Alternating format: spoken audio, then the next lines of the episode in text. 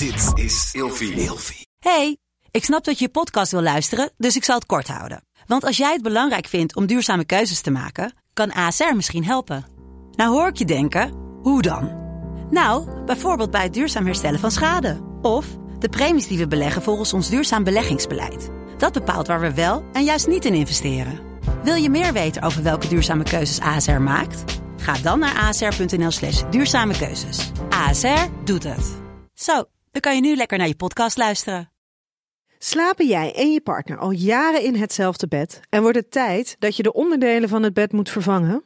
Dit is het perfecte moment om je gehele bed te vernieuwen. Je krijgt namelijk extra korting bovenop de lopende kortingen bij Emma Sleep met de code RELATIEVRAGEN in hoofdletters. Dus ga snel naar emmasleep.nl en bestel jouw bed. Relatievragen wordt je aangeboden door Cheeks. Cheeks staat voor authentieke seksualiteit, vrij van schaamte en stigma. Het is een community voor iedereen die seksuele stimulatie en inspiratie wil. Wat je gender of seksuele voorkeuren ook zijn. Voor Cheeks gaat seksualiteit samen met diversiteit, plezier en consent. Op getcheeks.com, dat is G-E-T-C-H-E-E-X.com,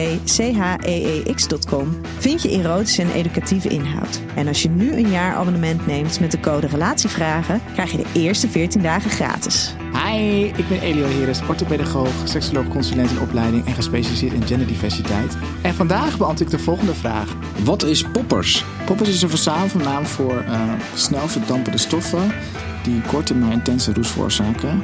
Vroeger kwamen die capsules en die popte je dan, dus daar komt de naam poppers vandaan. En het wordt nu vaak gebruikt uh, eigenlijk uh, in seksen met mannen die seksen met mannen. En het geeft je een soort van, ja, alles vervaagt een beetje, wordt de muziek wat slechter.